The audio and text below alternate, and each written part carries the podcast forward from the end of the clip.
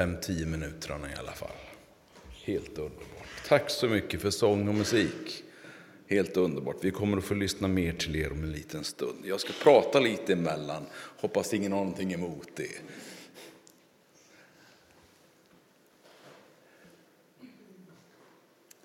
Vår. Ja, just det. Vår. Det är ju vår. Det är bäst jag säger det så ingen tror någonting annat. Och bara för att stryka under det så har jag gjort ett nytt blad så här för mars och april och, och satt dit en, en vårfågel. Jag undrar hur den stackaren mår den här morgonen. Men nåja, jag kan ju inte ens ta ansvar för allt. Men det här är ett hopp. Hopp om någonting som blir varmt och skönt. Hopp om fågelkvitter i buskarna som kanske är lite tunnare just nu, men det kommer mer. Tranorna har landat vid någon sjö i närheten här som vi alla känner till. och så där, Eller hur? Det, det finns så mycket som talar för vår, så jag vågar hoppas på vår. Även om det ser ut som det gör. Jag funderar på, ska jag ta pjäxor idag?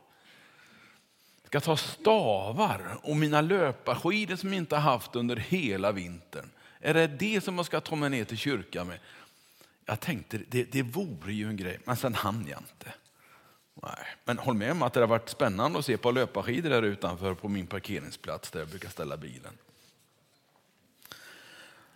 Nej, en sån här dag då får man hoppas väldigt mycket.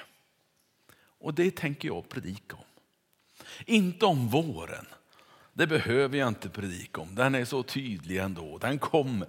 Varken vintern vill eller inte, så det kommer vår. Det blir varmt, eller hur?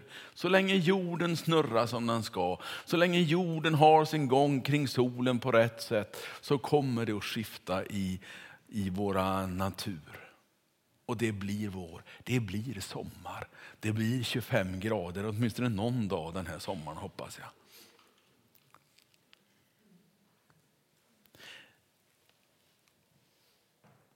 Under några söndagar så har jag försökt att påminna om tre uttryck, tre ord som Paulus skrev om till den gode församlingen i Korint.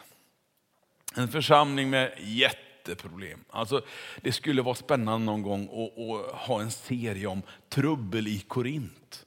Men nej, det är inte så jätteuppbyggligt. Va? Men läs gärna Korinthierbrevet och, och förstå att de är inga det är inga höjdar i den andliga världen som Paulus skriver till. Det är inga människor som ständigt lever i seger och som aldrig har problem. Utan precis tvärtom. Det var så mycket strul. Så Paulus skrev långa brev till dem. Och han skrev så många så att vi har inte ens med alla i vår bibel. Alltså han skrev flera brev. För han visste att det var jätteproblem. Och han älskade församlingen i Korint. Han visste att Jesus älskade församlingen i Korint. Och så skrev han. Och så skrev han det vackraste vi har kärlekens lov. Och så avslutar han det kapitlet, det trettonde kapitlet med tro, hopp och kärlek. Och det där fick jag till mitt hjärta i början på året. Det där ska jag predika om några gånger. Och nu har jag kommit till hoppet. Jag har haft några predikningar om tro och någon eller ett par om kärlek också. Men nu är det vid hoppet och det är ju en perfekt dag att predika om hopp. Det måste jag tycka. Det verkar som om de här orden hör ihop. Det verkar som de Paulus vill få dem att smälta samman. Tro är viktigt. Och kärlek är viktigt och hopp är viktigt. Men tillsammans så blir det någonting som kan styrka våra liv när det ser ut som det gör. Jag har funderat också på vad skiljer dem åt. Och ju mer jag har funderat på hur ska jag kunna skilja tro och hopp åt? Hur ska jag kunna skilja kärlek ifrån tro och hopp? Det går ju inte. Jag kan det inte. Någon skrev så här. Hopp är tro med kärlek knutet till framtiden. Och den som slutar hoppas slutar att leva. Ta bort allt hopp för någon. Det är som att ta bort livslusten. Så det här är ingen glättig predikan angående snövädret. Det här berör dig allra högsta grad idag. Våga hoppas. Sätt din tilltro till hoppets Gud. Tänk bara få kalla Gud för det. Gud som har hopp för dig och mig. Gud som man kan hoppas på. Gud som man kan sätta sitt hopp till. Det är min Gud. Han tror jag på. Gör du? Är du så välkommen att ansluta dig till trons folk som har trott på denna hoppets Gud genom generationer. Och då talar jag inte bara om mina några få generationer bak i tiden som jag har forskat fram till ja, 1600-talet ungefär. Utan jag talar om århundraden, årtusenden. Så har människor hoppats på Gud.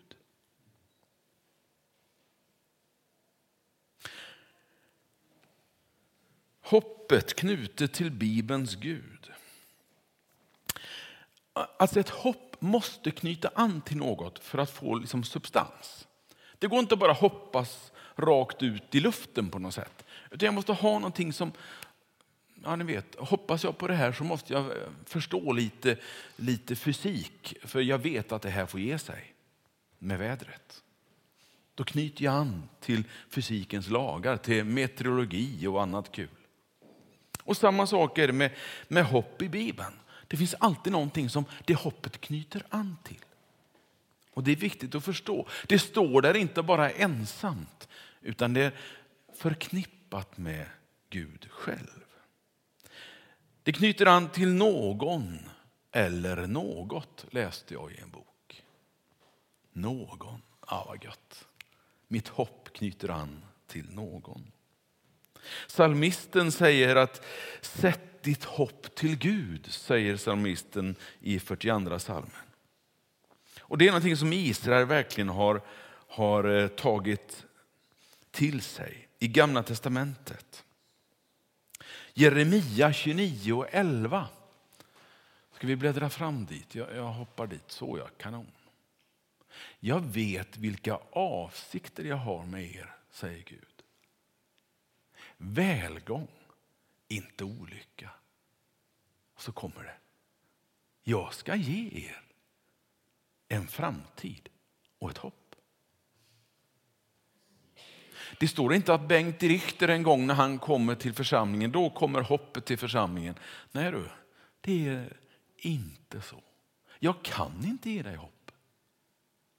Jag själv, det är ingen idé att försöka knyta an hoppet till mig eller till någon annan i vår kyrka. Hur fina ni än är, ni som är här och ni som tillhör vår kyrka. Utan vi måste lära oss att vårt hopp och vår framtid, det ligger hos Gud.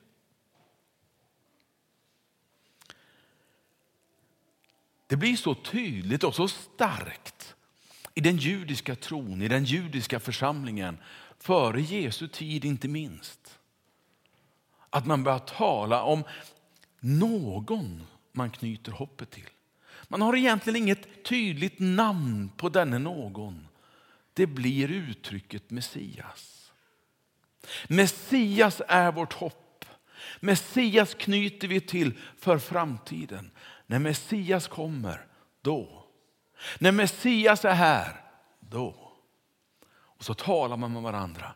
Du, Messias, det blir någonting när han kommer. Då vill jag vara med. Ja, jag med, säger trummisen och ler hela ansiktet.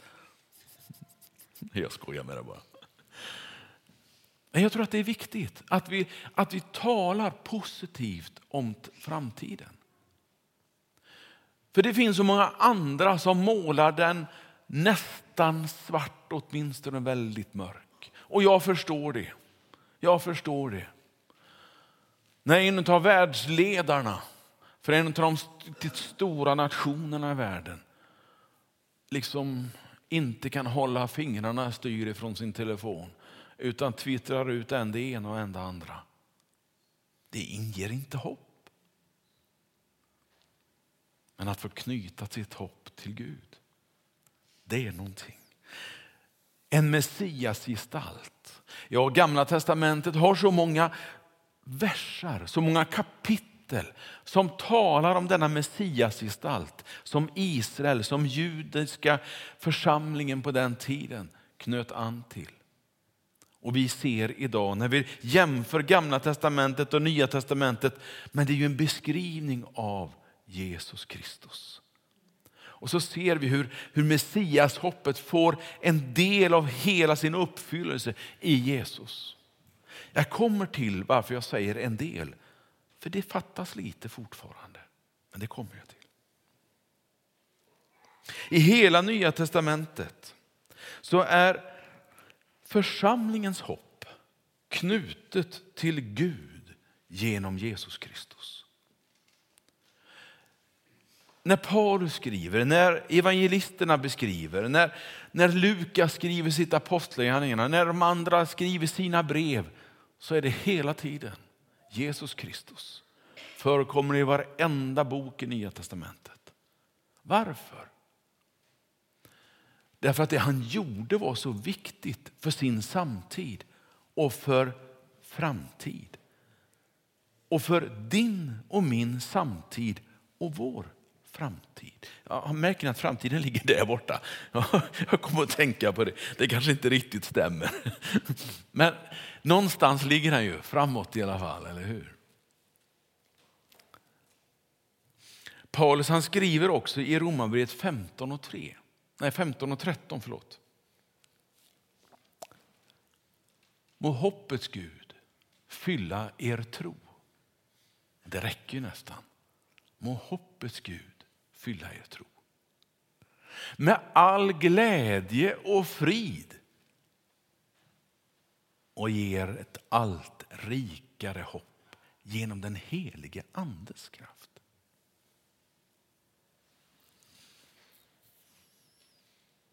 Hoppet i Bibeln är alltså knutet till Gud, till Fadern. Hoppet i Bibeln är knutet till Jesus. Och här ser vi tydligt i versen, den heliga ande ska ge oss ett allt rikare hopp. Ja, jag skulle kunna tala om treenheten en stund också, men, men det ska vi inte göra. Men visst är det lite spännande? Men sådana här enkla ord som hopp som står så mycket om i vår bibel. Och till och med så säger Bibeln, låt den helige ande få del i ditt liv. Låt den helige ande få ta tag i ditt liv. Du får ett rikare hopp genom den helige ande. Jag är inte ute efter att bli rik. Jag är rik med fyra barn och något barnbarn och någon på G och sådär. Ni vet, då är man rik på det sättet. Men att få, få, bli, få bli rik inombords. Det är häftigt. Genom den helige Ande. Och att jag får ett hopp som liksom inte går att skölja av med en, kalv, en spann kallt vatten eller snö och blåst. Ett hopp som står sig inom hela rapport. Som står sig genom en hel, jag vet inte om det var någon som såg Melodifestivalen, men det, det var ganska hopplöst för mig. Jag såg inte den. Men till och med genom det så kan hoppet bestå i tron på Gud. När det är riktigt hopplöst så kan vi lita på hoppets Gud. Jag vet att det är lätt att känna hopplösheten komma smygande. Jag vet att det ligger nära till hands ibland.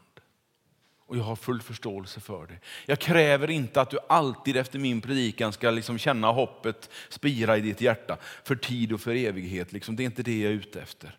Utan jag är ute efter att om möjligt vända din blick ifrån din egen hopplösa situation, om det är så du känner.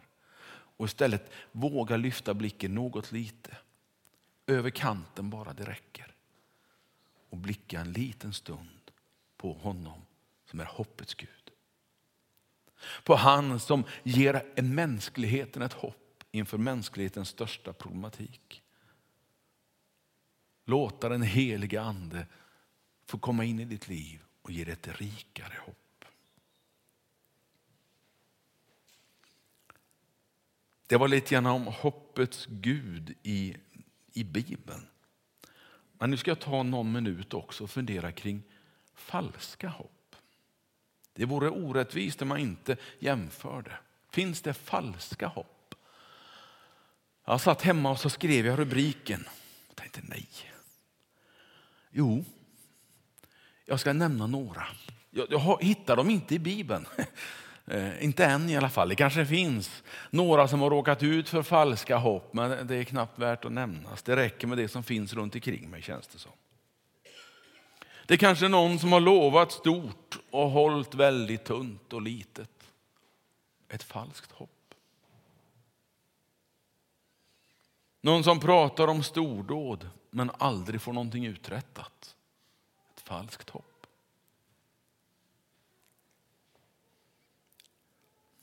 En del politiker, jag tänkte jo jag skriver det. En del politiker och politiska system känns som falska hopp. Ursäkta uttrycket, men så, så känner jag det ibland. Och mycket reklam.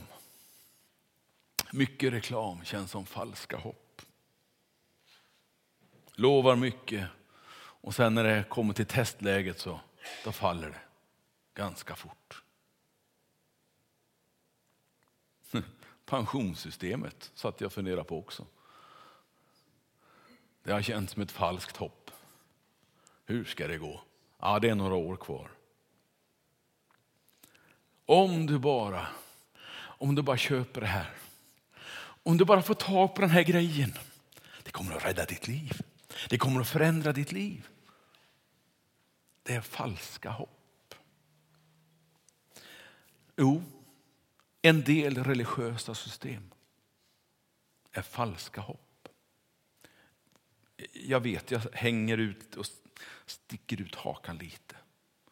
Men jag vill nog ändå påstå att det finns religiösa system som för mig ser ut som falska hopp.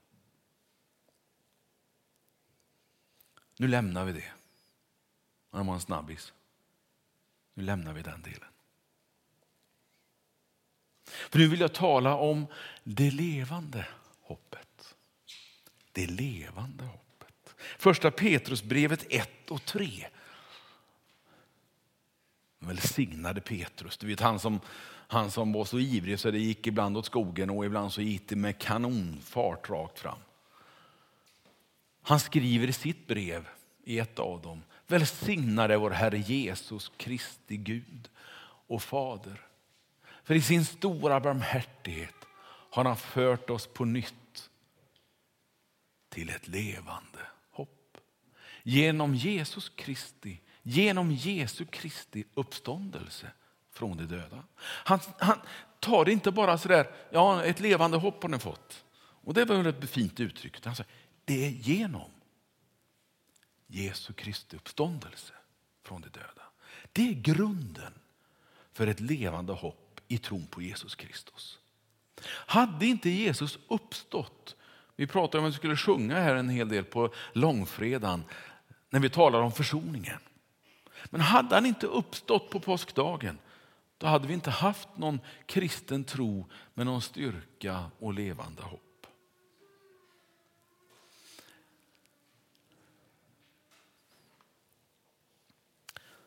När hoppet börjar förverkligas, då blir det levande. Det fanns hopp i Gamla testamentet också, men det var inte alltid så lätt för Israels folk att hoppas på Gud. Gång efter gång så tappar de hoppet. De tappar liksom tron på Gud på något sätt och så hamnar de i, ofta i ganska mycket elände. Och så kommer de tillbaka, det är någon som ställer sig upp, men vi måste tro på Gud. Hallå, kommer ni ihåg Mose? Och så, ja just det, ja just det. Och så knyter man an igen till hoppets Gud. Men när Jesus kommer, då blir det ett levande hopp. För helt plötsligt så kan man uttrycka det som att hoppet börjar förverkligas. Därför att han uppstår och besegrar det onda och döden. Och ger dig och mig en möjlighet. En möjlighet till ett levande hopp.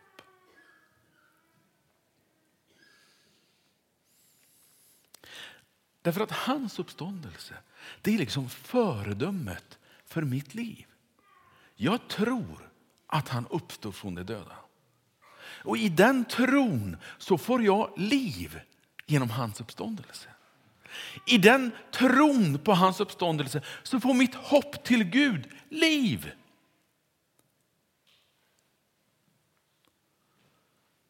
Och det behöver vi idag tala om, sjunga om, spela om, prata om, vittna om. Du får kalla det vad du vill, men berätta på något sätt.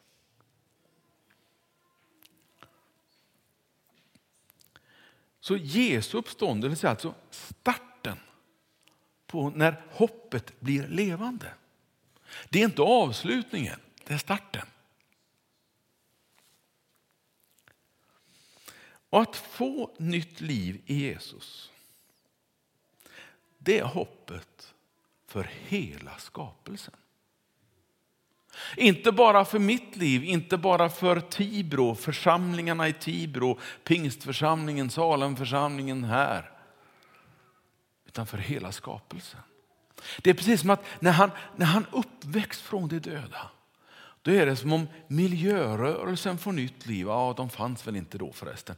Men det finns också saker att hämta för dem i hans uppståndelse. För det finns ett levande hopp.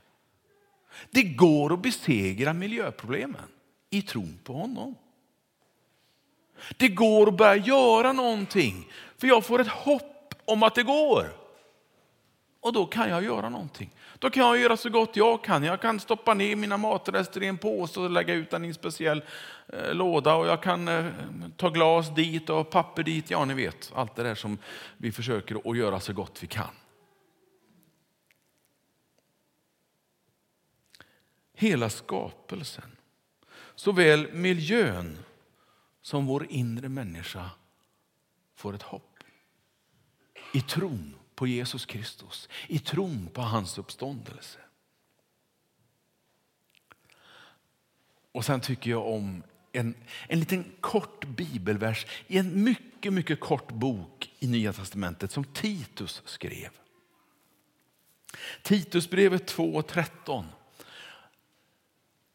Jag hoppar in i en mening sådär bara. Medan vi väntar på vårt saliga hopp att det ska infrias och vår store Gud och frälsare Kristus Jesus träda fram i sin härlighet. Det saliga hoppet, det där ja, glada hoppet, det där ifrån min inre värld kommande glädjen i hoppet, det knyter an till han kommer tillbaka. Och Det var det jag sa i början, när jag sa att ja, men det finns någonting han ännu inte har gjort.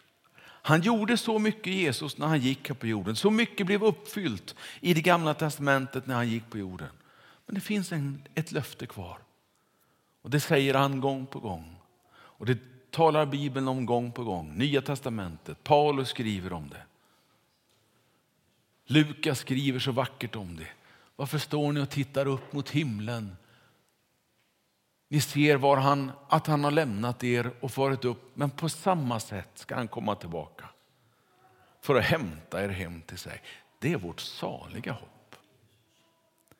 När Jesus kommer att träda fram i sin härliga... Alltså, jag kan ju tycka ibland att Jesus är ganska skön att få be till och få, och få liksom läsa om, få knyta an till och, och liksom gömma i mitt hjärta. Men när han får träda fram på scen, ja, det vet jag inte. Ja, han är välkommen om han skulle vilja träda fram på scenen här. I sin härlighet. Det vet jag inte ens hur man skulle klara av att stå bredvid. Jag skulle nog ramla ihop som en liten blöt fläck. Och bekänna Jesus, det är du som är Herre. Det är ju dig jag har förkunnat om. Det är ju du som är mitt saliga hopp. Det är ju dig jag har talat om. Och tänk, nu står du här. Han kommer en gång tillbaka. Han har inte lovat att komma till våran, till våran scen. Jag ska inte lura dig och, och tro det. Men han har sagt att han kommer så att hela världen ska få se honom. Den scenen ska han beträda, världsscenen. Hur det går till, ja, men du, det, jag har inte koll på det. Det kan vara genom tv, ja, det kan vara någonting annat också. Det kan vara på ett sätt som jag inte ens har tänkt mig. Men det kommer en gång. Då mitt hopp inte längre ska vara knutet till Gud, inte längre ska vara ett levande hopp. Det ska vara ett saligt hopp knuten till han kom tillbaka. Han är här. Och det har jag väntat på. Det har jag fortfarande funderingar kring. Jag vet inte hur det går till. Jag vet bara jag läser min bibel. Det är något på G. Det är något som kommer. Låt mig så få läsa det bibelord som jag tänkte börja med. Har du lust med att bläddra tillbaka lite grann till Romarbrevet 15 och 13? Må hoppets Gud fylla er tro med all glädje och frid och ge er ett allt rikare hopp genom den helige Andes kraft. Må hoppets Gud styrka din vardag. Må hoppets Gud styrka din familj. Tron på honom, att det håller genom småbarnsårens alla virvar av uppdrag och omöjligheter genom kriserna i du vet, den 30, 40, 50 årsåldern upp i pensionsåldern när det kanske är närmare till himlen än till jorden. Någonstans där så skiftar du väl när man blir bra mycket äldre. Må hoppets Gud följa dig genom livet. Och må du följa hoppets Gud. Det är kanske ännu viktigare. Och må hoppets Gud följa vår församling.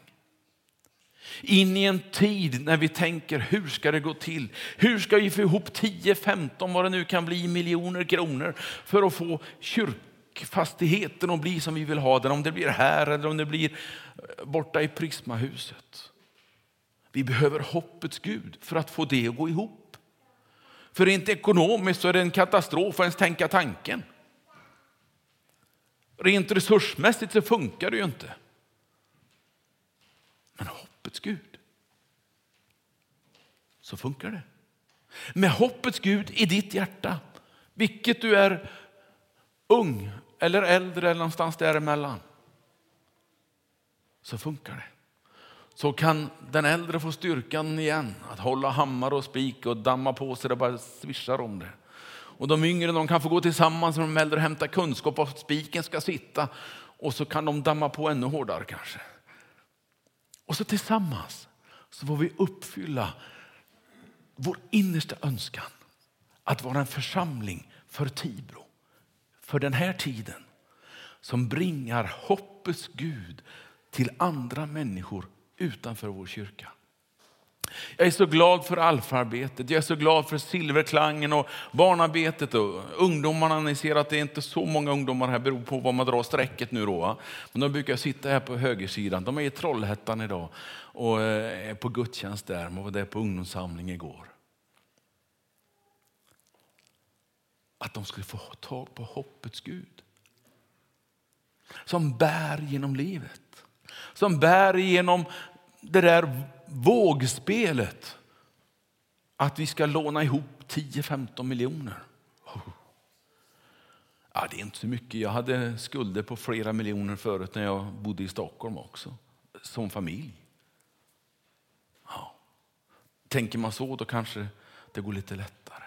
Men Gud hjälper oss att våga ta det steg som Gud vill att vi ska ta. Att modet finns där hos dig hos mig.